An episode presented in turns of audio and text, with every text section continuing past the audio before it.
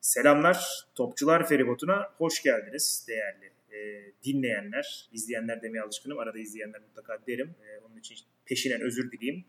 E, madem her şey bu kadar iyi gidiyor, neden e, Arsenal'la ilgili bir içerik üretmeyelim diyen iki insan. E, okyanusun iki farklı yakasında yaşayan Savaş Birdal ve ben Deniz Ozan Can Sülüm. Bir şey yapalım dedik. Ne yapalım ne yapalım en temizi podcast olur dedik. E, aslında dedik demeyeyim şimdi şov yapmayayım sen dedin. Ama sende de o e, yatkınlık vardı. Ben onu hissediyordum açıkçası. Yani bir şeyler yapmanın artık zamanı gelmişti hakikaten. Ki bu kadar da boşken, hiçbir şey yapmıyorken e, buralarda bana gayet uydu bu olay. Ben de tam olarak aslında bir şeyler yapmak için böyle kendimi zorlamak istediğim bir dönemdeyim. Şimdi sende olduğu gibi bende de bir ülke değişikliği oldu. E hazır buraya gelmişken ben e, Londra'ya geldim. Yaklaşık bir 2-3 haftadır Londra'dayım. E hazır buraya gelmişken bu ortamın içine girmişken uzun süredir takip ettiğim Arsenal'ı daha yakından takip etme şansına erişmişken açıkçası gerçekten bir şeyler yapma isteği özellikle de ilk haftalardaki güzel skorlarla beraber her geçen gün artıyor. Bakalım e, Arsenal nereye kadar bu isteği arttırmaya devam edecek onu da göreceğiz. Bende de tam tersi. Ben şu anda saatlere alışmaya çalışıyorum. E, cumartesi açılış maçı oynamamayı diliyorum mesela şu anda. Çünkü ona kalkmamak kadar çok zor olacak. E, her seferinde şu oluyor. böyle maç kolye falan giriyorum. Kadrolara bakayım diye bir bakıyorum 80. dakika olmuş. Yani tamamen kaçırmışım maçların çoğunu. Arsenal maçları öyle olmuyor da tabii yani Birçok maçı kaçırıyorum mesela. Çok uyuz bir durum. Artık en yakın bilgileri senden alacağız. Yapacak bir şey yok. Abi burada da Türkiye'de uzun süredir Premier League takip ettikten sonra e, buraya gelince saatler bir anda 2 saat geri geliyor. Hatta hmm. kışın şimdi 3 saat geri gelecek. Ona tam uyum sağlayamadım ben de. Normalde mesela cumartesi akşam maçları 7.30'a gelir. İşte gündüz işini yaparsın, bir şeyler yaparsın, dönersin, izlersin atıyorum. Bazen hatta cumartesi akşam dışarı çıkacağın zaman gümbürtüye gider izleyemezsin hmm. falan. Cumart burada cumartesi erken maçlar 12.30'da başlıyor ve bayağı kahvaltı yaptıktan sonra direkt futbolla başlıyorsun ya. Aslında o biraz güzel. Bir Tabii... yandan şey bana keyifli geldi. Her şeyini izliyorsun temiz temiz. Ben de mesela işte 19 maksimum 18-19'da bütün Avrupa bitiyor. Bütün Avrupa maçları bitiyor. Akşam bana ait. Muazzam aslında. Ama alışması zor işte hakikaten. Çok yadırgız. Çok yadırgadım şu ana kadar. Evet yani yadırgamamak mümkün değil zaten. Senin vakanda özellikle. Çünkü saat farkı o kadar drastik ki senin yaptığın değişimle. Onu normal karşılıyorum yani. Bendeki o kadar bir şey e değil. Sende de şey var ama yani. Tabii, çok etkilemiyor. Etrafında mesela maç işte atıyorum cumartesi son seans maçı ulan etraf karanlık değil, akşam değil, gündüz falan filan o garip geliyordur mesela mutlaka. Abi ilk maça gittim içerideki. Şimdi onunla başlayayım. Leicester maçına. E, o gün de yani İngiltere'ye ben geldiğim gibi direkt Türkiye havasıyla karşılaştım. Pek İngiltere'ye bir adaptasyon süreci olmadı. İlk hafta burada hava 35 dereceydi. O gün de yaklaşık hissedilen 37-38 hatta 40'ı bulduğu olmuş. Ee, sonra maçla alakalı yapılan yorumlara da baktım Twitter'dan. Orada da yazılmış işte 38-39 dereceleri buluyordu hava diye. İlk yarı güzeldi dedim. Gündüz maçına geldik ya. Premier Ligi yaşıyoruz yani. O atmosferi yaşıyoruz. Sonra ikinci yarı güneş karşıya bir geçti. Ben yani yemin ediyorum hayatımda hiçbir maçta bu kadar terlememişimdir. Türkiye'de çünkü böyle erken bir maç yok zaten. Yani. Gittiğin erken maç özellikle de yazsa yani 9'da 8'de 9'da başlıyor. Karşıdan bir güneş geldi. Ben kendimi kaybettim abi ikinci yarıda. Sahayı da göremiyorsun zaten. Parlak Elimde şey e, evet e, elimde maç dergisi tam bir böyle şey sahnesi. E, tribünlerde görürsün ya maçı izlerken millet kafasının üstünde tutuyor dergiyi güneşten şey yapmak için e, güneş gözüne çarpmasın diye. Tam o şekilde 38 derecede 45 dakika izledim ama Allah'tan tabii takım keyifliydi. Yani. Net net ya. Şu an her şeyi çekip yani her şeye katlanacak bir takım var e, uğruna. O güzel yani. Evet yüzde yüz. Ya sezonu istiyorsan geçen seneden alalım. Ee, Bence de. Sezona umutlu girdik aslında ama bu kadarını bekliyor muyduk? Bana sorarsan ben açıkçası beklemiyorum. Tabii fikstür rahattı nispeten. Ee, yani sonuçta iki tane yeni çıkan takım, yok iki tane değil pardon. Ee, ilk hafta Pels pardon. E, Leicester yine bu sene çok iyi başlayamayan transfer dönemi de biraz sancılı geçen bir takım. E, Bournemouth da lige artık ayak uydurmaya çalışan bir takım. Yeni çıkan bir takım. En zor fikstürün maçı görünen Palace maçıydı. Oradan da çıkınca 3 galibiyet üst üste çok şaşırtmadı açıkçası. Bakalım önümüzdeki dönemde ne olacak ama tabii geçen senenin o son haftalardaki hayal kırıklığının ardından ben bu kadar net ve oyuna hakim bir Arsenal beklemiyordum. Beni en çok şaşırtan şey o, o oldu. Bilmiyorum sen ne düşünüyorsun? Ya ben e, aslında şeyden alabiliriz belki. E, Arteta'nın ilk geldiği dönemle benim şu an hissettiklerim arasında çok fazla fark var. Ben Arteta ha, geriye dönüp baktım bu arada.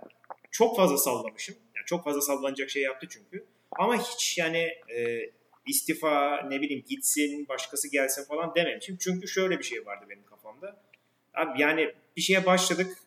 E, daha iyi bir hoca bize zaten gelmeyecek. Bu adam bakalım ne yapacak düşüncesi her zaman vardı.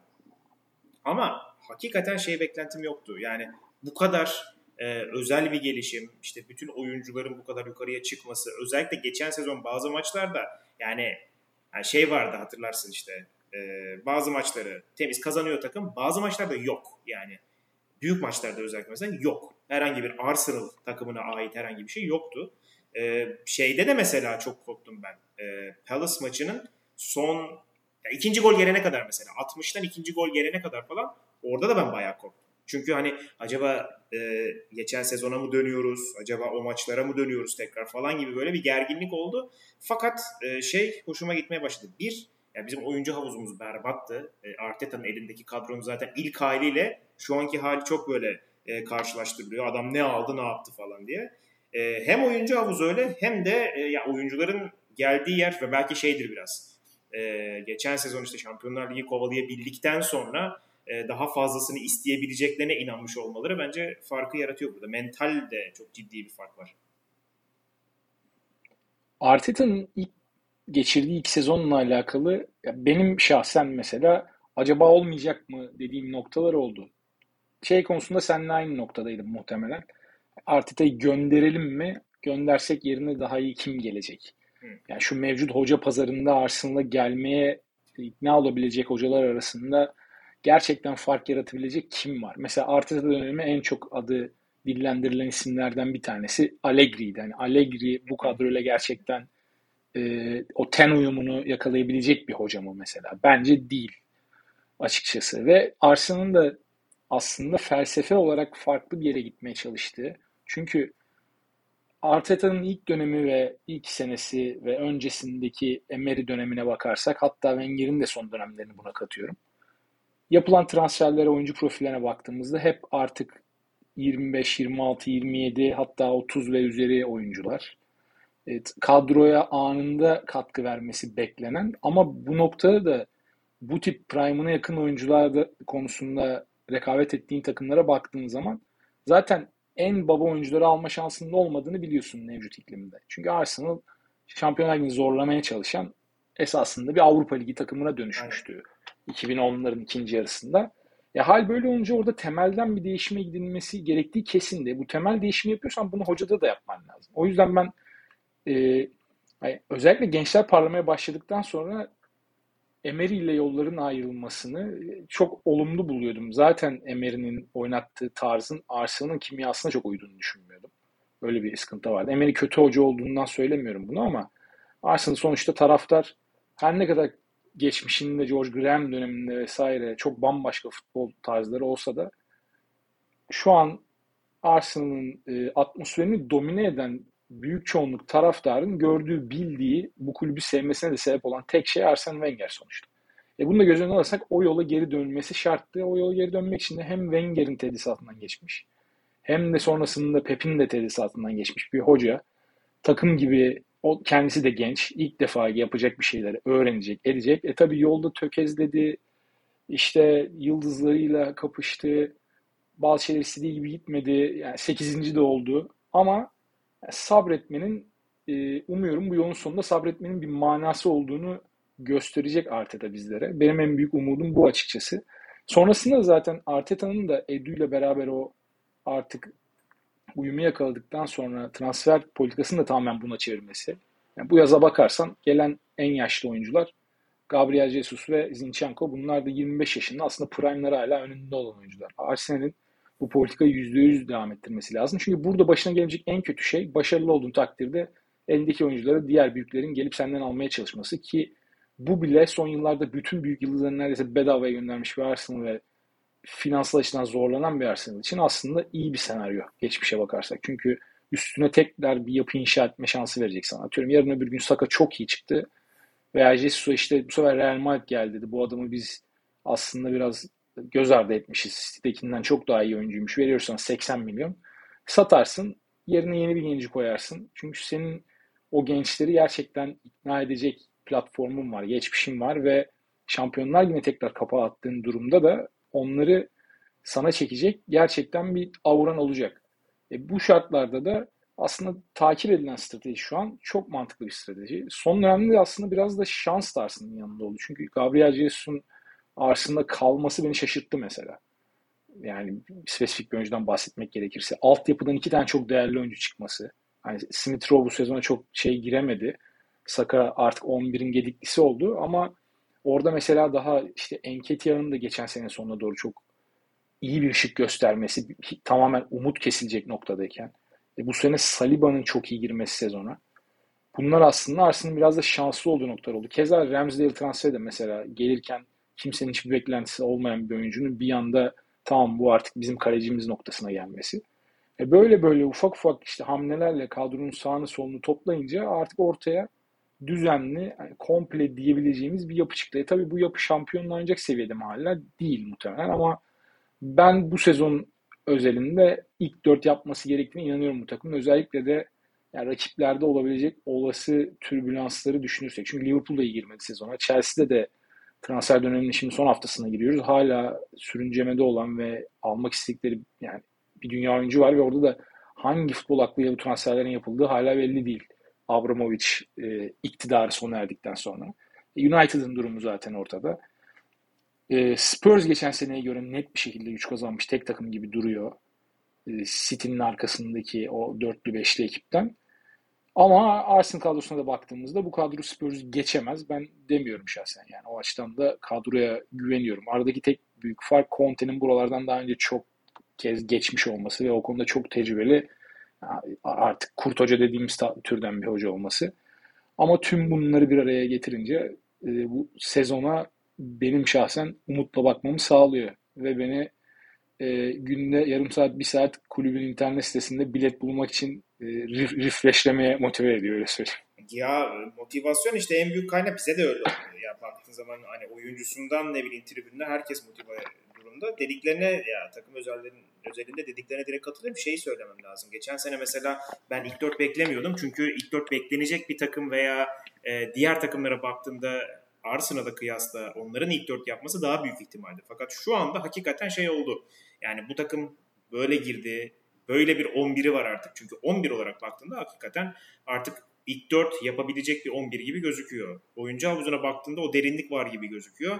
Ee, hakikaten bir ilk 4 gelmemesi halinde bence e, başarısız bir sezon olduğunu söyleyebiliriz. Geçen sezon bence değildi ki yani son saniyede kaçan bir Şampiyonlar Ligi'ydi. Ama bu sezon sonunda hakikaten Şampiyonlar Ligi olmazsa bence başarısızlık olur. Şöyle söyleyeyim. E, hakikaten bir tecrübe sıkıntısı olabilir. İşte hocalara kıyasla baktığın zaman Arteta hakikaten hala çok çömez. Oyunculara baktığın zaman tamamı neredeyse 25 yaş yaptı. İşte oraya biraz Jesus, Zinchenko gibi şampiyonluk yaşamış oyuncular. E, zaten muhtemelen hani onların tercih edilmesinde sebeplerden bir tanesi de hani tamam City'den geliyorlar. Arteta'nın beraber çalıştığı insanlarla çalışmış oyuncular olarak ama aynı zamanda da e, şampiyonluk yaşamış oyuncular olarak geliyorlar. E, belki sezon sonunda eğer işler yine böyle çok yakın giderse nasıl diyeyim hani en düşebilecek takım yine Arsenal olacak. E, ki bunun mantığı da var. Yani genç bir takım, tecrübesiz bir takım. Ama ben işin oraya kalmayabileceğini bile düşünüyorum. Bu sezona gel, gelecek olursak mesela şeyden bahsettin sen işte iyi bir başlangıç, iyi bir fikstür vesaire. Bizim ilk 8 hafta fikstürümüz inanılmaz. Yani orada bir Manchester United var. Ben e, en çok ondan korkuyordum. Yani bu kadar iyi başlangıçtan sonra, onların bu kadar kötü başlangıcından sonra tam şeyi bekliyordum. E, Manchester United'ın e, artık tamam ya da devam maçına çıkıp devam edebileceği bir maç. Neyse ki Cerrah'ı bizden önde akıttılar. Yani o konuda acayip sevinçliyim. Bir yandan da şeyi düşünüyorum yani. Bu kadar kolay fikstürden bir 8'de 8 ile çıkarsak o zaman ne düşüneceğiz acaba? Ya bildiğimiz Arsenal bence 8'de 8 ile bu fikstürden çıkamaz. Ben arada Mümkün. beklenmedik bir puan kaybı %100 geleceğini düşünüyorum. Çünkü fikstür de iyice sıkılaşacak. Avrupa Ligi kuralları da çekiliyor. Şimdi Avrupa Ligi grupları da başlayacak. E, e, Dünya Kupası'ndan ötürü şimdi bu sene e, yanlış hatırlamıyorsam Dünya Kupası'na kadar Avrupa Ligi grupları bitiyor. Tabii tabii. Yani bayağı erken bitiyor aslında. Normalde daha uzun zamana yayılan bir fikstür oluyordu. E tabi burada şans şimdi kadro biraz daha genişlediği için Avrupa Ligi'nde iyice B takımına çıkma şansı olabilir. Yani ligde kullanacağı kadroyu tamamen fresh tutma şansına sahip. Bu arada tam biz kayda girerken Avrupa değerlendirerek. Şey ee, 7 Kasım'da Karabağ Cup'ta Brighton'la e, oynanacak. O da yani felaket bir kura. Yani ben Grand Potter'la hiçbir yerde karşılaşmak istemiyorum. Ya açıkçası şu an şu formdaki Brighton'la ben de hiçbir kupada oynamak istemem ama Karabağ Cup'ta hangi kupayı hiç umursamazsın desen herhalde birinci evet. sıraya yazacağım kupa evet. olur. Evet. Ama yani işte o da ekstra çok yoğun bir maç baktığın zaman. Çok ekstra bir noktada, çok yoğun bir noktada gelen yoğunluğu yüksek bir maç. Yani inşallah herkes şey çıkar, gençlerle falan çıkar da bilmiyorum artık. İçeride mi dışarıda mı? Ona bakmadım ya bak güzel soru. Ee, derhal bakayım. Dışarıdaysa çok zor. Bence elenir hatta Arsenal yani net söyleyeyim. Yok Emirates'te. Güzel. Emirates'te ise bir ihtimal daha bir şekilde. E, o da 50-50 yani. Yani evet. Ama dediğin gibi yani çok umurumda olmaz. Herhangi bir şekilde umurumda olmaz o maç yani. Hatta böyle bir sezonda Dünya Kupası sezonun içinde oynanıyorken ben ilk turda Karabağ'dan elenmeyi tercih ederim. Tabii şey ya sal Charlie Patino falan çıksın işte çocuk oynasın biraz. Bir de onu izleyelim. Patino Patino kiraya gitti ya. Onları boşalttılar. İşte Patino'lar, Matino'lar. Zek O'lar, Mazit Ogumubo'lar falan onlar çıksın. Takılsınlar. Hakikaten onların Şeyi oynatır. Ee, bu Brezilya'dan yeni gelen çocuk var bir tane. Ha evet. Sağ açık Marquinhos. Marquinhos aynen. Onu, onu muhtemelen %100 oynatır. Şimdi yani. Sakın'ın arkasına da birini alacaklar mı belli değil çünkü son bir hafta transfer dönemi. İstiyorsan biraz oradan konuşalım. Yani son bir hafta transfer dönemi. O evet. Ee, senin bir transfer beklentin var mı? Alın, yani alınırsa hangi pozisyon alınmasını tercih edersin? Aklında olan oyuncular mesela. Ya ben hala şey bekliyordum aslında. Bir orta saha e, daha doğrusu şöyle 11'e baktığımda ben hakikaten şeyi görmeye başladım artık. Ee, hem iyi bir 11 hem kritik pozisyonlara e, o 11'e alternatif olabilecek oyuncular. İşte atıyorum mesela Ödegaard'ın Ödegaard'a bir şey olursa e, Vieira'sı var, Emil Smith Rowe var. Martinelli keza aynı şekilde Emil Smith Rowe e, yedekleyebiliyor. Saka yine aynı şekilde sadece Emil Smith Rowe yedekliyor. Dolayısıyla hakikaten Pepe'nin de gittiği noktada oraya bir ihtiyaç var. Ama aynı zamanda şeyi de bence ya gözden kaçırıyor olamazlar tabii de. Ya parti gittiğinde ben takımın çok ciddi güç kaybedebileceğini düşünüyorum. 11'in çıkan 11'in defansif anlamda çok güç kaybedebileceğini düşünüyorum. Ee, ya bilmiyorum. Hani abartıyor muyum acaba? Çünkü partinin oynadığı pozisyon ve görev işte Albert Sambi Lokonga'yı düşünüyorum. O adam değil. E, Çaka, olmadı denendiğinde. Yani olmadı da zaten. Elneni oynadı mesela partinin yokluğunda. Elneni oynadı ki bence sezon sonunda kötü çıkarmamıştı. Ama sonuçta Elneni aynı kaliteyi sağlayabiliyor mu? Çok zannetmiyorum. Ama şimdi tabii baktığın zaman, değerlendirdiğin zaman biraz o parti pozisyonunun yedeğinden hakikaten sağa sola bir oyuncuya gitmek daha mantıklı olabilir. Çünkü hakikaten işte Martinelli'ye bir şey olursa Emil Smith-Rowe, Ödegaard'a bir şey olursa Emil Smith-Rowe, Saka'ya bir şey olursa Emil Smith-Rowe. Neredeyse şey yok. Başka ikinci bir isim yok yani. E, Fabio Vieira hakkında ne düşünüyorsun o pozisyon için? Ya onu şey gibi aslında e, Pep Guardiola'nın böyle Bernardo'yu zaman zaman sağ önde kullandığı gibi e, kullanma ihtimali olabilir. E, solda hiç oynarken görmedim gerçi de. Ben daha çok sanki böyle hani Ödegaard'ın merkezdeki pozisyonunun yedekleyicisi olarak geldiğini düşünüyorum. Sağda bence hiç fena olmaz fakat tabii farklı şey yani sonuçta Fabio Vieira acayip bir teknik kalite getiriyor bence Premier Lig için aşırı cılız. Bakalım ne olacak bilmiyorum. Ama e, Bukayo Saka gibi patlayıcılığı olan ne bileyim e, bitiriciliği olan ceza sahasına çok fazla delenden ziyade hani Ödegaard'ın bir versiyonu, e, farklı bir versiyonu gibi. E, fakat ona da ihtiyaç vardı, aşırı ihtiyaç vardı hem de. Ben şöyle sürpriz bir tahmin yapayım. İlk 3 hafta itibariyle Şaka'nın sahada işgal ettiği pozisyonlara baktığımda ben eğer Vieira bekleneni verirse sezonun ikinci yarısında orada Vieira'nın 11 oynayabileceğini düşünüyorum açıkçası. Şey e, kullanışı hakikaten çok değişik. Granit Xhaka baya baya en fazla ceza sahasına gelen oyuncu oluyor neredeyse. Çoğu maçta. E, ve hakikaten Vieira'yı oraya düşünüp almış olabilirler ve dediğin gibi bir değişim e, ilerleyen bölümde gelebilir. Fakat işte abi Granit Xhaka'da da şey var. Yani nasıl bir karakter varsa adamda hani sahada nasıl bir karakter varsa, saha dışında nasıl bir karakter varsa yerinden oynamıyor adam. İnanılmaz bir şey. Ya şakayla alakalı bu sezon belki bir full podcast bölümü çekebiliriz ya. Gerçekten öyle bir hikayesi var Arsenal, Arsenal'a geldiğinden beri. Net ya. Benim de çok az ettiğim oyunculardan biri değildi geldiği günden bu yana. Ama gelen şaka döneminde kaç hoca oldu? Geçici Yumberg'i de sayarsak yani dört tane hoca gördü ve Herkes hepsinin değişmez ilk 2-3 oyuncusundan bir tanesi oldu. Yani Abi ben şeye gerçekten ya takımlarda lider hakikaten ihtiyaç vardır ben. Ve Granit yani kötü bir oyuncu değil. Granit Xhaka yani şut tehdidi olan, acayip basan, fiziği çok iyi, işte uzun topları falan çok iyi bir oyuncu ki geldiğinde ben aşırı sevinmiştim. Fakat abi adam manyak yani şey olarak manyak bu arada. E, dengesiz anlamında demiyorum. Adam e, en kritik maçlarda 10 kişi bırakıyor. Yani böyle bir özelliği olamaz bir oyuncunun. Yani Granit Xhaka'nın en büyük özelliği ne dersen ben gerçekten şey derim. Büyük maçlarda aşırı güvenilmez. Ulan böyle adamla yani sezona mı başlanır mesela? Ben başlamam ama yani demek ki işte diğer şeylerle kapatıyor. Kırmızıların yanında bir de e, geriden çıkarken bayağıdır yapmadı şimdi çağırmayalım da geriden çıkarken yaptığı çok kritik hatalar çok ama mesela benim kırmızılardan şey da fazla onda. sinirlendiğim şeylerden biri. Arteta da orada mesela şey yaptı. Ee, ben artık iki stoperin arasına girerken görmüyorum. Hep sol bek gibi alıyor. Yani burada kaptırırsa da artık şey yapsın. Çizgiye yakın olsun içtiyse gibi. Hatta bu sene artık sol bek gibi de almayacak muhtemelen. Çünkü Zinchenko zaten onun Aynen. orada işaretli pozisyonu tamamen e, replace etti diyebiliriz yani. Aynen. Aynen. Zinchenko'yu alma sebeplerinden bir tanesi de oydu muhtemelen. Tierney çünkü direkt çizgide giden bir bek. Aynen. Zinchenko yani son Bournemouth maçında bir pozisyon vardı. Zinchenko yani toplu oyununda böyle set oyunun içerisinde bir duran top sonrası vesaire değil. Bayağı sağ bekten top çıkarıyordu savunmada takım e, pas yaparak çıkmaya çalışırken. O da o tarzda bir oyuncu. O da aslında şakanın ileri giderken bu kadar rahat gidebilmesini sağlayan evet. kilit adam oldu.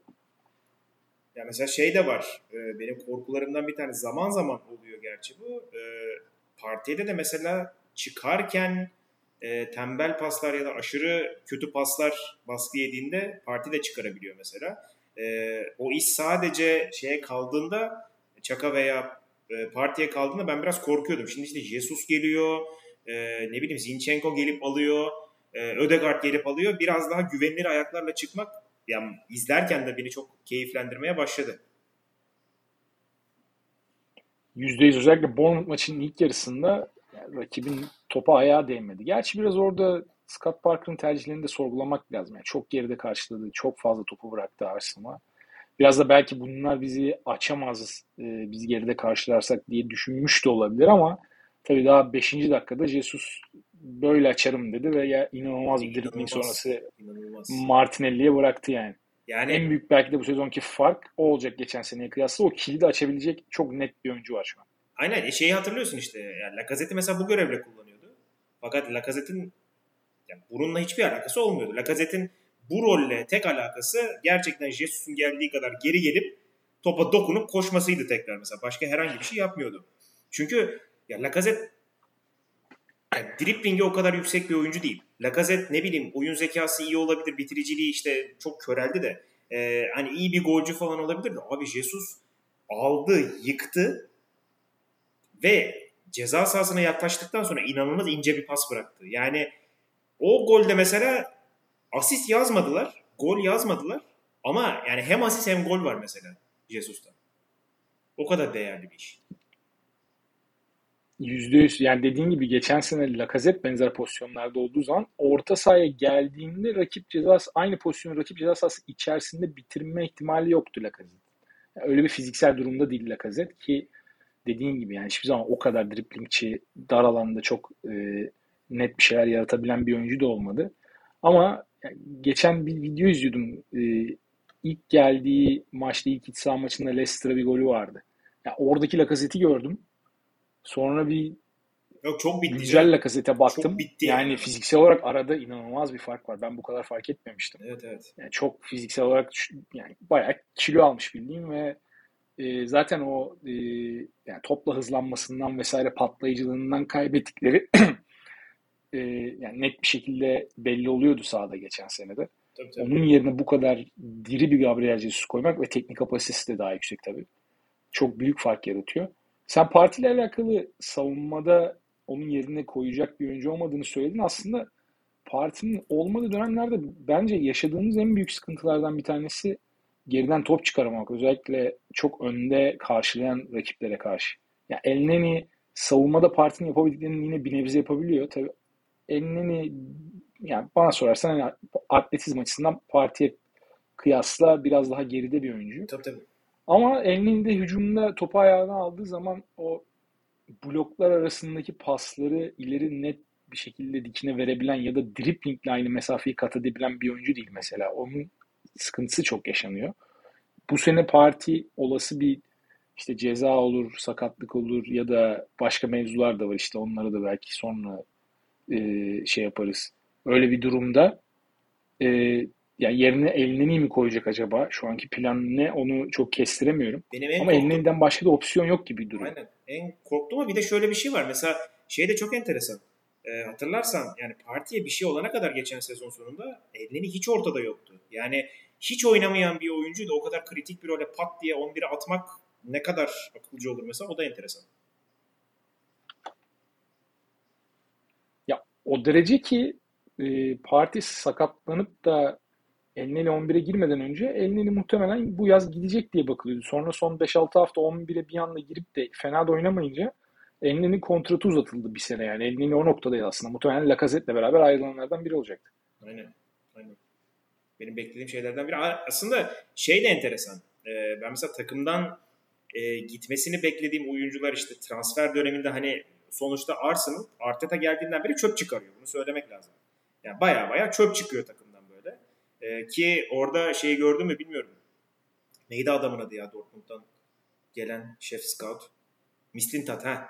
Ee, Mislintat evet. Mislintat'ın attığı kazın e, boyutu da e, görmüştüm. Böyle 120 150 milyon pound falan bir zarar olmuş galiba o gelen oyunculardan, onun aldığı oyunculardan. Neyse şey diyecek. Evet evet o yazıyı okudum ben de. Aynen oyuncular mesela çöpler çıkarken ben biraz mesela ekonomik olarak yine sıkıntıda e, olduğumuzu düşünüyorum. Mesela Torreira'nın çok ucuza gidişi, atıyorum Hector Bellerin'e bir türlü transfer teklifi gelmiyor. O nasıl olabilir onu da anlamadım. Geçen sezon fena oynamadı çünkü. E, işte Pepe'yi zar zor kiralama falan filan. İşin o tarafını da biraz kotarabilse aslında takım e, yani tam mükemmel olacak. Orada da biraz takımın adı çıktı gibi geliyor bana. Yani son dönemde o kadar çok yüksek maaşlı oyuncuyu e, bedavaya gitmek istediği yere sırf maaş günden kurtulmak için verdi ki Arsenal ki Evet. orada maaş günden kurtulabilmek bence önemli bir meziyet tabii ama Tabii. yani bu kadar net bir şekilde tamam biz oyuncumuzu yeri geldiğinde mecbur kalırsak bedavaya veririz nosyonunu yaratırsan hem oyuncular kovalıyor bunu hem de e, yani rakip takımlar kovalıyor. Aynen abi beni de salın diyor adam. örneğinde Aynen öyle. Yani Mesut'u salıyorsun işte. Aubameyang'ı salıyorsun. Ee, Ramsey'i Arsenal bedavaya gönderdi Aynen. mesela. Ondan da aslında bir önceki sene satmış olsalardı yine iyi bir bonservis alabilirlerdi. Ki keza öncesinde Alexis'ten hiç para kazanamadın. Yani Mkhitaryan'la e, takas ettin. Sonra Mkhitaryan da bedavaya gitti. Aynen aynen. Yani Zaten böyle çok fazla örnek var. Ee, ya Bellerin özünde de mesela Bellerin bildiğim kadarıyla ben Betis'te oynamak istiyorum. Başka bir takımda oynamayacağım dediği için Bellerin'e teklif gelmiyor. Ama işte Bar- mesela şey de var. Betis'te-. Barcelona da ilgileniyor. E, çocukluk takımın Barcelona, Barcelona'lıyım ben diyor mesela. O da enteresan. Çözemedim ben. O konu biraz bana da bana da saçma geliyor. Mesela Betis'e de Betis babamın takımı orada Ha. oynamak istiyorum dediği için gitmişti. Şimdi orada devam etmek istiyor. Betis'in de La Liga'daki bu e, Tebas'ın getirdiği şey FFP'nin benzeri uygulama yüzünden Betis'in de bonservis edecek parası yok. Aynen. Betis'te bedavaya verirseniz alırım diyor. Bellerin de beni bedavaya verin diyor. Arsenal vermiyor. O yüzden son Yani. haftaya kaldı ama bence günün sonunda Bellerin istediği olacak gibi geliyor bana. ya Yani bu bana da öyle noktadan sonra geliyor. Çünkü hakikaten şey yok. Yani yer yok. Çok belli. Oynamayacak. e, o kötülüğü de yapmazlar diye düşünüyorum. Mesela aynı şey e, Maitland Nice'da da var. Abi Maitland Nice sağ, sol, merkez, ön her yerde oynayabilen işte acayip e, her yeri doldurabilecek şey gibi böyle fakir Zinchenko'su gibi çıkmıştı ortaya. Yani Roma'ya kiralık gitti. Hani kariyeri toparlar belki bilmem ne olur falan diye. Şu an yani yok. Maitland Nice diye bir oyuncu yok. Onun için de bugün Southampton haberleri gördüm. Maitland Nice için herhalde en büyük hata Wolverhampton'dan o bahsedilen 20 milyon poundluk teklif geldiğinde yani evet. reddederek yapıldı. Orada çünkü tam İngiltere milli takımına kadar girmişti. Aynen. Okutacaktı. Ee, sanıyorum FA Cup e, şeyi sonrası. Bu City ve Chelsea'yi arka arkaya yendiğimiz. Oradan sonra milli takıma kadar girmişti. Orada teklif geldi. Reddettiler. Sonra Arteta ilginç bir şekilde teklifleri reddedip hiç kullanmadı oyuncuyu. E sonra Roma'ya kiraya verildi. E, oyuncu da bir daha Roma'da da bu arada Mourinho da oynatmadı yani. Bilmiyorum aynen, çok aynen. izlemediğim için. Yani şey, bekleyeni veremedi herhalde orada da. Ya ben şeye inanamadım. Mesela Roma'da e, direkt olarak kanat beke ihtiyaç vardı. Oynayacaktı. Hem sağ hem sol bu arada oynayabilecek e, noktadaydı. İkisinde de oynamadı yani. İlginç yani yanlış tercihler yapıldı transferler konusunda ama son dönemde de satılanlar noktasında sana hak veriyorum yani. Satılamayanlar daha doğrusu. Yani Torreira öyle bir noktaya geldi ki artık taraftar her gün nefret kusuyordu. Ya ben sosyal medyada takip ediyorum. Yani millet şükretti artık gittiğinde. Torreira kötü oyuncu değil tabii ki ama Arteta'nın hiçbir şekilde düşünmediği bir oyuncuydu. Ve ya her sene ben bu sene işte Boca Juniors'da gitmek istiyorum. Bu sene İtalya'ya gitmek evet. istiyorum. Bu sene Atletico'ya gitmek istiyorum deyip böyle sürekli farklı istekleri olan kendisinde de çok tutarlı olmayan bir oyuncuydu. Artık 7 milyona mı gitti Galatasaray? 8'e mi gitti bilmiyorum ama gittiğinde daha da az bile olabilir. Evet. Yani gittiğinde artık yine tamam şükür artık kurtulduk bundan deme noktasına gelmişti ki Torreira'yı da hatırlarsın yani o Kuzey Londra derbisinde attığı golden sonra taraftarın en sevdiği adamlardan biri olmuştu bir anda bu sezon. Emery sezonunda. İlk, ilk maç, sezonun ilk yarısında. İlk 3 maç maçın oyuncusu seçilmişti ya Arsenal'da ben hatırlıyorum yani. Üst üste 3 maç maçın oyuncusu seçilmişti ilk geldiğinde. Yani oralardan geldi. Ben bir de şey mesela uyuzum. Tamam e, çok arızalı bir tip. E, Arteta'yla da hiç alakası yok. Ama yani Genduzi'den 22 yaşında bir Genduzi'den de sadece 11 milyon kazanmak mesela bana skandal gibi geliyor. Niye öyle bir e, para belirlediler yani? Neye göre belirlediler bunu? Genduzi mesela inanılmaz bir sezon geçirdi geçen sezon. E, ve 11 e, ve anlaşılmış olduğu için verdiler ve aldılar mesela. Bu da çok e, garip geldi bana. Bu tip tercihler genelde oyuncuyu sattığın noktayla çok alakalı. Mesela Gendüzi Arsenal sattığı ya daha doğrusu kiraya verdiği ve o zorunlu opsiyonu koyduğu anda Gendüzi yanlış hatırlamıyorsam 4-5 aydır kadro dışıydı. Aynen. Orada çok fazla elinde koz olmuyor. Marsilya'da çok büyük para verecek takım değil. Tabii 20'yi verebilir mesela Marsilya muhtemelen. Evet. Ama onlar da vermeyi tercih etmezler. Sonuçta Gendüzi ile bir kumar oynadılar. Orada elinde çok fazla koz olmuyor. Ya şöyle bir durum var mesela. Senin istemediğin oyuncuyu muhtemelen zaten başkası da genelde çok istekli bir şekilde alıyor olmuyor yani. Sen bir oyuncuyu kadrona düşünmüyorsan bile o oyuncunun belli bir süre oynamış ve bir şeyler göstermiş olması lazım onu iyi paraya satabilmen için. Aynen. Ya da yani şöyle bir talih kuşku olması lazım başına. Mesela Liverpool bunu çok yaptı. İşte e, Solanke ile yaptılar, Brewster'la yaptılar. Oyuncu gerçekten hiç kimse bilmeyecek. Sadece altyapılarda çok iyi rakamları olacak. Ve hani yeni gelen bir tane Premier kulübünü, Championship'ten yeni çıkan bir kulübü kerizleyeceksin 15 milyona 20 milyona. Liverpool bunu müthiş yaptı mesela son 4-5 senede. Evet. Arsenal bunu hiç yapmadı. Ya Enketiah mesela buna en yakın olasılıktı. Onu da kaybetse Arsenal zaten sözleşmesi bitiyordu. Onu da bedavaya kaybedecekti. Öyle Aslında saçma sapan bir durum. E mesela şey anlamıyorum işte. Bu noktada Maitland Niles, Reece Nelson gibi piyasa içine e, bir şeyler ne bileyim piyasaya hitap eden, iç piyasaya hitap eden oyuncular hiç e, teklif gelmiyor ya da satamıyorsun. O hakikaten satma konusunda biraz garip. Yani mesela bu arada hani alınanlarda da eleştirilecek mesela şeyi ben anlamadım. Ee, e, neydi kalecinin adı ya? Turner. Mesela Turner yani Matt Turner 28 yaşında 4 sezon MLS'te full oynamış bir kaleciye ya bu tamamen şey transferi diye düşünüyorum. Yani sahipler işte iletişimdir, MLS'ten oyuncu almadır falan gibi bir şey diye düşünüyorum. Bilmiyorum daha fazlası var mı? Fakat yani 4 sene MLS oynamış bir kalecinin bu kadar bonservisle 28 yaşında buraya gelmesi çok enteresan geldi bana. Ya ben tercih olarak çok garipsemedim açıkçası. Hani bir deneme sonuçları. Ramsey kaleci de çok fazla rotasyon ihtiyacı olan bir pozisyon değil. Evet. O yüzden Allah korusun bir sakatlık olmadığı sürece Ramsdale'ı çok kenara çekme ihtiyacı hissetmezsin muhtemelen. Ama tabii yani 6 milyon verildi, 7 milyon mu verildi? MLS'ten gelen bir oyuncu için büyük para gerçekten. Ya mesela şey var, e, Chelsea aldı işte hiç yani Chelsea'ye uğramadı gerçi çocuk büyük ihtimalle de. Chicago Fire'da çıkan Slonina diye bir kaleci vardı. Çok büyük olay oldu herif. E, acayip bunlar shout out mı diyorlar? Ne diyorlar kaleyi gole kapattığında clean sheet yerine?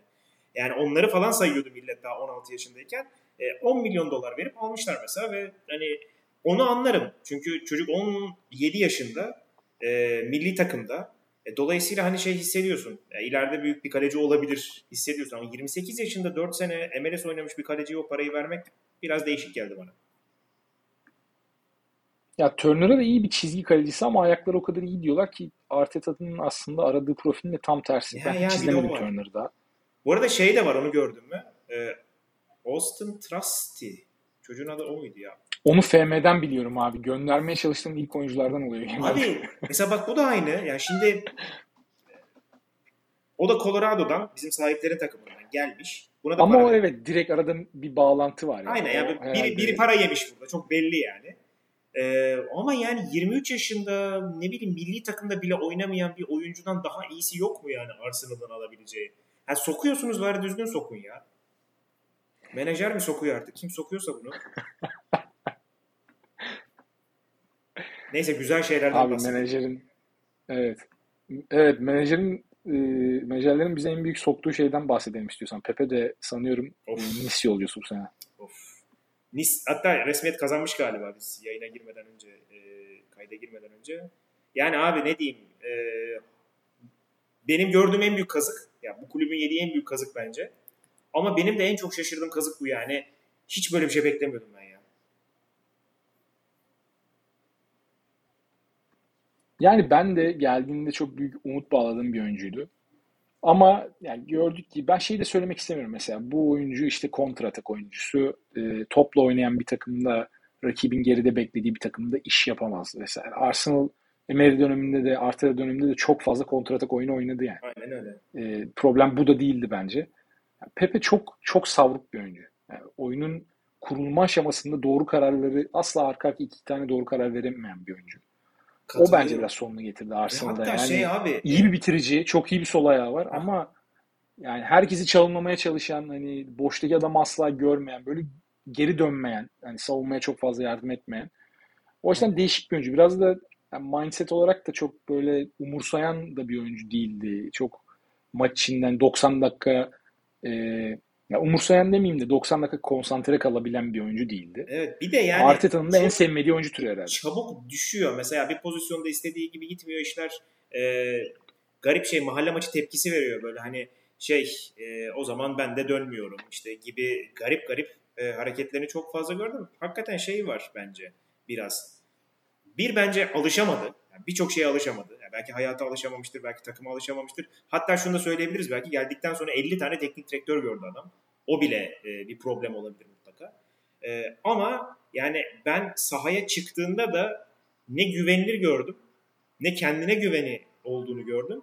Ne de bununla beraber hakikaten hani takım oyuncusu, işte ne bileyim e, açık kapatabilecek, her zaman güvenilebilecek falan bir oyuncu gibi gözüktü. Yani o da mesela çok rahatsız ediyordu. Saha içinde rahatsız ediyordu bana adamın tavrı. Yani bir şekilde kimya hiçbir, hiçbir türlü uyuşmadı. Çünkü Emery döneminde geldiğinde bile çıkan haberler özellikle e, ilk geldiği dönemde tabii böyle şeyler yoktu. Herkesin çok fazla umut bağladığı, taraftarın da geldiği için çok sevindi. İşte 70 milyon transfer yaptık Arsenal artık para harcıyor diye düşündüğü bir oyuncuydu. Ama bir de şey Liverpool'dan özellikle... kur çektik falan filan muhabbeti vardı ya. Evet evet öyle muhabbetler de vardı ama mesela ilk senenin sonunda bu işte Atletik'in yaptığı haberler oluyor ya geriye dönük. İşte aslında Emery'nin istediği oyuncu Zaha'ydı hep. Hmm. Sanlehi'nin zorlamasıyla Pepe'ye gidildi gibi haberler çıkmaya başladı mesela. Ya aslında belki de kimsenin istemediği bir oyuncuydu. Öyle de bir durum var yani hocada, hocalardan. Olabilir. Hiçbirinin de istemediği bir oyuncuydu ve yani sahada gördüğümüz aslında bunu anlatıyor. Emery de Zaha'yı duvardan duvara döverdi ya bence. Tam ama Emery'nin ama... daha geçiş oyununda Zaha daha iyi oynuyor. Evet yok tam onluk adam ama tavır olarak yani hiç onluk değil. Gerçi evet, ya, Zaha'yı da böyle böyle dedik dedik. değildi aslında. Tabii tabii. Zaha'yı da böyle böyle dedik hiçbir yere gidemedi. Ya Zaha muhtemelen o biraz Harry Kane, Declan Rice tipi çok uzun süreli kontrat yaptı ve şu an manasız bir bonservis istiyor gitmek isterse evet. e, Palace'tan. E, Palace'ın da hakkı yani. Ona da, onlara da çok bir şey diyemiyorum. Çok Ellerinde böyle değerli bir oyuncu varken. Bütün takım onun üstüne kurulu çünkü. Yani Aynen tamamen yani. Zaha'nın ileride o kontrada yaratacağı tehditle bakıyorlar hücumda. Abi işte yani muhtemelen şeydir. Palace taraftarının her maçta en çok görmek istediği şey son maçta hani tek başına gidip köşeye bıraktığı şeydir yani. O pozisyondur. Adam tek kişilik dev kadro olarak gitti köşeye bıraktı golü. Evet Villa maçında attığı gol gerçekten şahaneydi. Bir de onu ters ayakla attı yani. Zaha'nın sol ayağı çok iyi değildir. Bayağı da iyi vurmuş yani. Ve açıyı da abi bir de yani o pozisyon aslında kaçması gereken bir pozisyon öyle söyleyeyim. Yani aç, kendi açısını kapatıp olabilecek en zor pozisyonundan inanılmaz aynen. yani tam köşeyi iğne deliğini görmüş abi. Aynen aynen. Buradan şeye geçelim. İstersen ee, e, Premier Lig'e mi geçsek heh, biraz aynen, diyecektim. Aynen. Ya ben bunu işte şeyde e, bizim Sokrates'teki e, FPL programında söyledim. Hem lig çok garip başladı bence. Bunu tabii ki e, fanteziye çok fazla yansıması oldu da e, ben mesela şeyi hiç bekle beklemediğim çok fazla şey var. Onları sıralayayım mesela bakayım sen ne düşünüyorsun. Bir abi Leeds'in böyle bir giriş yapabileceği hiç aklıma gelmemişti. Çünkü Leeds e, geçen sezon bence yani kurtulmaması gelen, gereken bir takımda başkası kurtulamadığı için kurtuldu. E, ya Brighton tamam eyvallah. Fulham'ın mesela böyle bir giriş yapmasını beklemiyordum. Diğer yandan West Ham United'ın bu kadar berbat girmesini hiç beklemiyordum. Ee, başkası. Ha bir de Nottingham Forest'ın böyle bir giriş yapabilmesini hiç e, tahmin etmiyordum. Benim e, şaşırdığım şeyler böyle. Ee, ya West Ham'a ben de şaşırdım ama West Ham'ın yaptığı girişi çok anormal bulmuyorum. Özellikle Nottingham Forest maçında çok şanssızlardı. Yani kaç top direkten döndü tam sayamadım ama herhalde bir 3 ya da 4'ü var. Yani o maç net kazanmaları gereken bir maçtı. Hı hı. E, ilk maç City zaten onu yani West Ham serisindeki takımlar artık üstünü çiziyor neredeyse bu fikstürde bakarken. Son maçta işte o ilk iki maçın hayal kırıklığıyla ve henüz daha gol atamamış olmanın da getirdiği baskıyla e, rakip de Brighton gibi iyi bir takım olunca orada biraz patladılar işte. Yani son maç biraz evet onlar adına bence hayal kırıklığı oldu. Ee, yani Forest ve Brighton maçlarından geçen seneki West Ham minimum 4 puan çıkarır derdin. Ama ben toparlayacaklarını düşünüyorum yine. Onlar da herhalde bir iki transfer yapacaklar ki şaşırtıcı bir biçimde şeyle ilgilendikleri konuşuluyor. Yani ben hiç beklemezdim West Ham'a gidebilme ihtimalinin olduğunu. Paketa. Evet, Pakueta evet. mı? Paketa mı? Tam Hatta emin şey, değilim nasıl okunuyor ama. 50 milyon poundu bugün Lyon e, reddetmiş görebildiğim kadarıyla. E, şeyde e, David Moyes da istediğini falan söylemiş. Yani şeyi de çözemedim ben. Ha bu arada ben bunu yeni gördüm. Emerson'u almışlar sol beke. Bak bunu Evet, evet. Yani şey e, çok fazla transfer yaptılar. Özellikle mesela en büyük problemlerden bir tanesi işte Mikael Antonio gittiğinde ne olacak falan da onu geçen sezon Bowen'la çok iyi çözdüler. Ben mesela Jared Bowen'ı direkt şeyde almıştım. E, Fantasy Premier Lig'de bıraktığı yerden devam eder diye. Hiç alakası olmadı. Yani takım gibi o da. Ee, orada ben şeyin performansını bayağı merak ediyorum. Yani belki de Antonio'yu keser diye umuyorum sezon ilerleyen döneminde. Ee, İtalya'dan getirdikleri forvet Scamacca olması lazım. Hı hı. Ya onun dışında Leeds'e şaşırdım mı dersen Leeds'e evet şaşırdım ama Leeds'in oyun düzenine de baktığımızda Jesse Marsh'ın sistemine baktığımızda Leeds çok yoğun oynayan bir takım. Yani sezonun mesela bir döneminde 4-5 maç böyle 10 puan çıkarıp sonra 5 maç üst üste o yoğunluğu kaybettiğinde bir puanda da kalabilecek bir takım. O yüzden yani totale bakarsak ben Leeds'in geçen sene benzer bir yerde olacağını düşünüyorum. Şeyler bayağı yani mesela hiç beklemediğim şey. Mesela geçen sezonu hatta belki Bielsa'nın kovulmasına sebebi Patrick Bamford'un olmamasıydı mesela. Hani ilk 3 e, maçta Patrick Bamford yok gibi bir şey ama e, en azından onu çözebilecek e, oyuncuları ya da onun alternatiflerini bulup gol atabildiler en azından. Ya Rodrigo inanılmaz başladı bu arada. Aynen. Aldıklarında hayal ettiği şey şu an yaptıklarıydı. Hani geçen sene çok öyle bir performans görmedik. Rodrigo böyle oynarsa zaten Benford'a ihtiyaçları bile olmayabilir. Tabii tabii. Abi Rodrigo gitmek yani bir ara gidecekti. Yani hem takım düşüyordu hem ona teklif vardı. Bir yere gidecekti adam. Yani tuttular bir şekilde. Ve hakikaten şu an uçak. Harrison uçak aynı zamanda. Harrison da mesela çok iyi yerde bitirmişti. Aynı yerden devam ediyor. Ya şey inanılmazdı ya. Amerikalı çocuk inanılmazdı. Aronson? Ee, golü atan Aronson aynen. Yani ben böyle bir şey görmüyorum. Dört tane falan akciğer var herhalde. İnanılmaz bir şey. Bütün maç boyunca durmadı bir saniye. O çok iyi şey zaten hani Amerika'dan şeye gittiğinde Salzburg'a gittiğinde çok iyiydi o. Ee, onun esas şeyi var. Kardeşi var bir tane. Ee, birebir aynı yani yukarıdan bak ikisi de aynı. Muhtemelen o da Premier Lig yapar. Öyle bir e, aile. Nasıl bir yani gen varsa bilmiyorum. İkisi de aynı. Bu arada Leeds'e biraz haksızlık ettin bence. Geçen sene düşmeyi en çok hak eden takım bence Everton'dı. Çok net. Abi işte hani şöyle ben mesela Everton düşemedi. Yani düşemediler hakikaten. Ee, şeye göre yani Leeds, Everton kıyaslarsak tabii ki Everton düşmesi lazımdı. Ama yani mesela Leeds'in hangi maçıydı o ya? Ben anlatıyordum. Stroik'in bir golüyle son saniyede bir puan aldılar. Zaten onunla kaldılar. Yani çok büyük balla kaldılar. Ee, çok ciddi bir hani tehdide atlattılar. Ama dediğin gibi hakikaten yani Everton ben çok istedim mesela düşmesini. Yani Everton'ın bu sezon burada olmaması gerekiyordu. Kesinlikle olmaması gerekiyordu. Bakalım belki bu sene kısmettir. O şeyde kurtardı onlar. Chelsea'yi yendiler. Orada işler bir anda saçma sapan bir boyuta çıktı. Ondan sonra biraz böyle gazmaz derken bir şekilde kaldılar.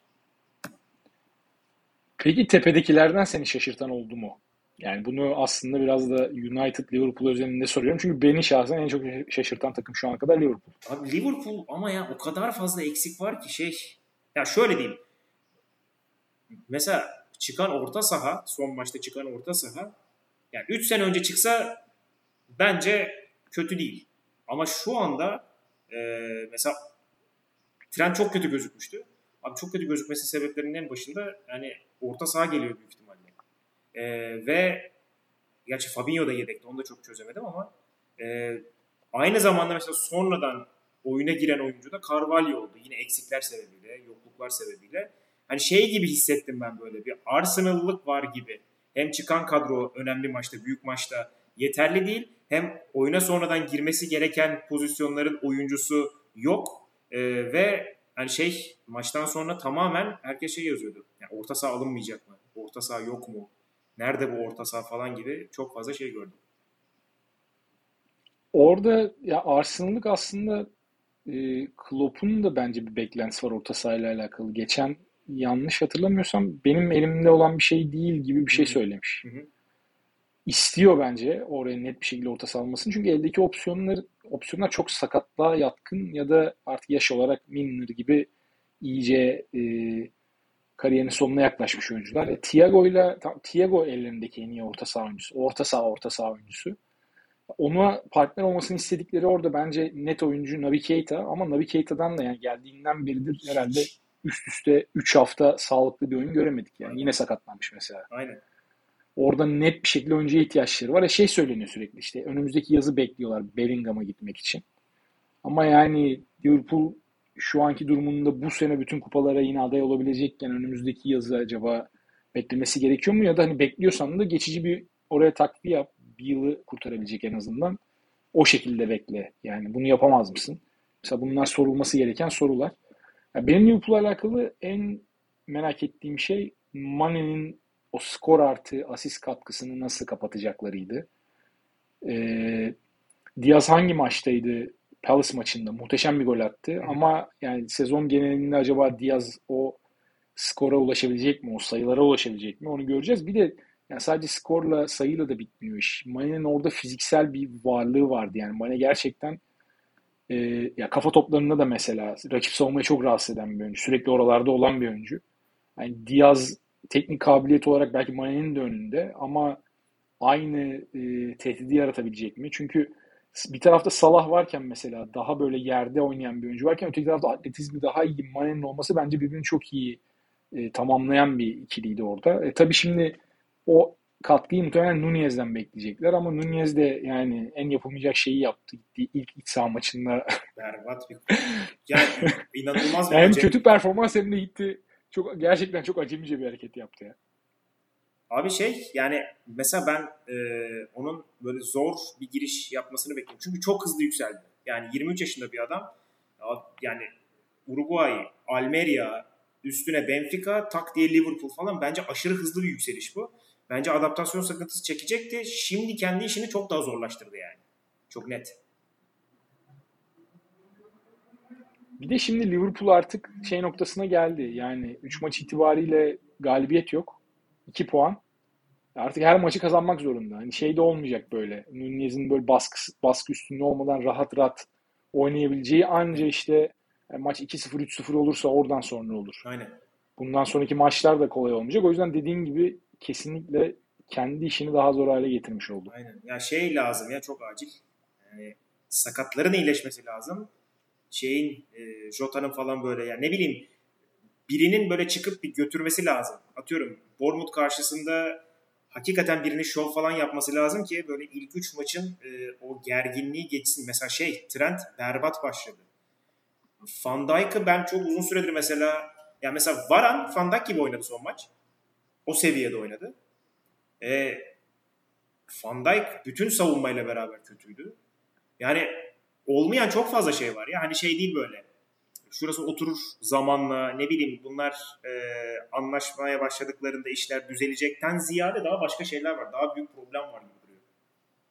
Ya Van Dijk kötüydü deyince aklıma şey geldi. İlk üç maç itibariyle Space Jam'de şey vardı ya oyuncuların yeteneklerini çalıp ha. kendilerini alıyorlardı uzaylılar. Sanki bir Van Dijk'ın yeteneklerini Saliba'ya transfer etmiş gibi bir 3 hafta izledik ya.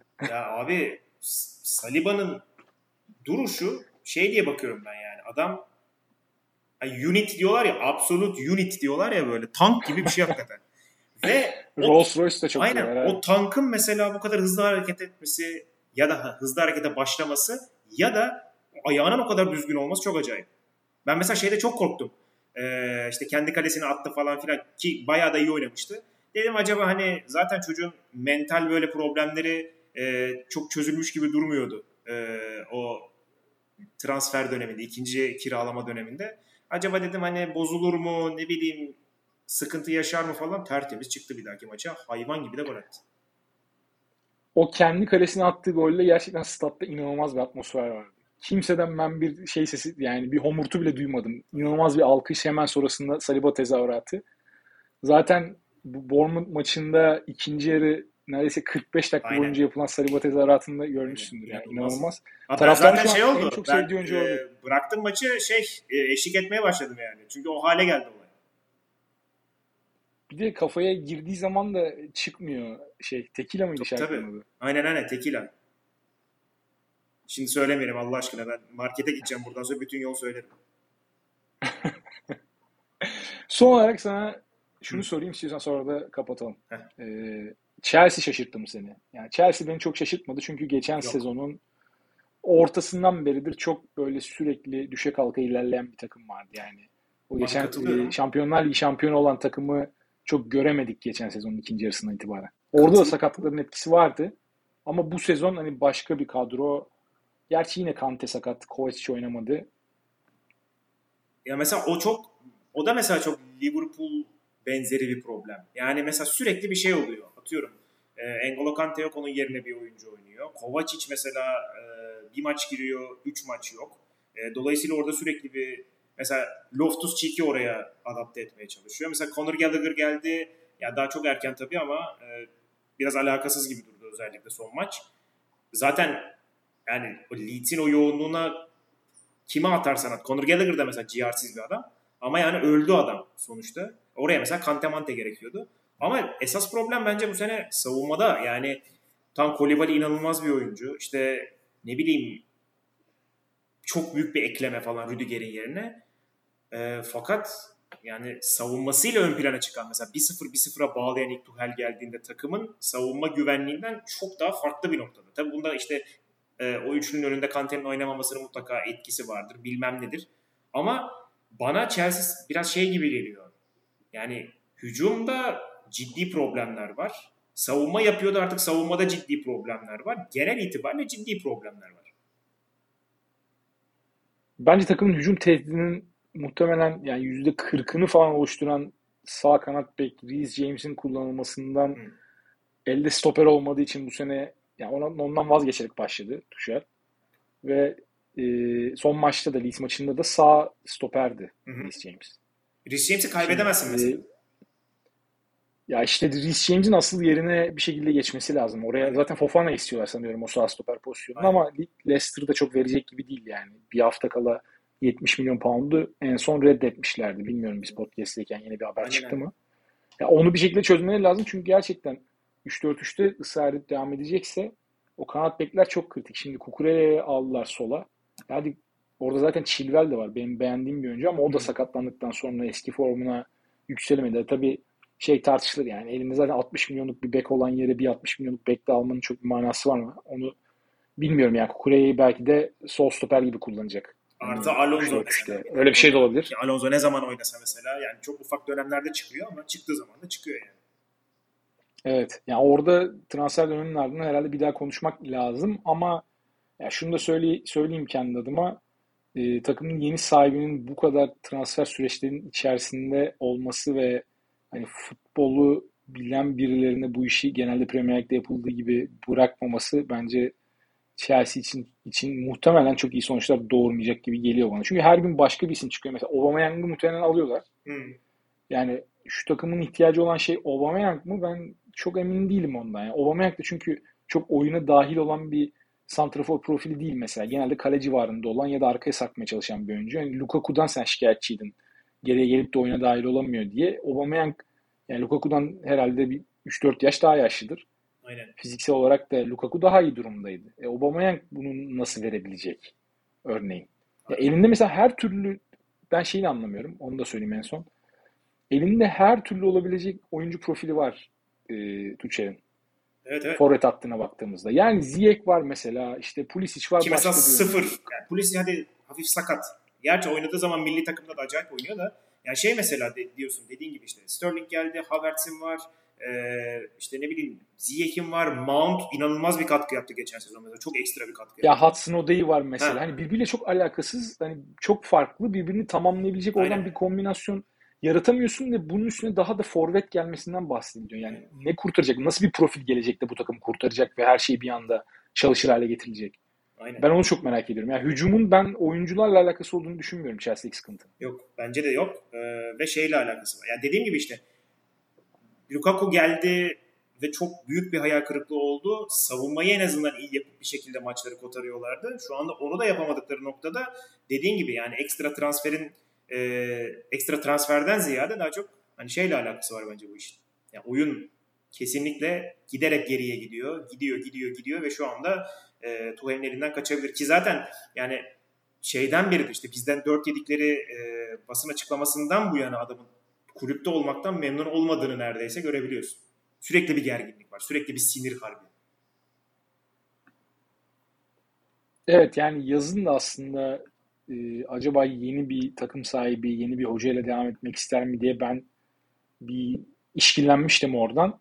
Yani işler böyle devam ederse muhtemelen çok gecikmez e, ayrılması. Çünkü dediğin gibi çok mutluymuş gibi durmuyor. Ama tabii yani yapılacak iki transfer, işte sakatların dönmesi, bir anda bir böyle düzenli 11 oluşması, üst üste gelecek birkaç tane galibiyet ki Chelsea'de de yani büyük maçlarda yani rakip kim olursa olsun City'ye, Liverpool'a vesaire ters gelebilecek potansiyel var. Tabii, tabii. İşler tersine de dönebilir yani. Onu da tabii aynen. göz ardı etmiyorum. Aynen aynen. Ki fikstürleri de yani işte Liverpool maçına kadar falan fena değil. Leicester, Southampton içeride, West Ham falan filan bir şekilde düşe kalka gidebilir ama gidemezse de hakikaten o Liverpool maçına tuval çıkmayabilir.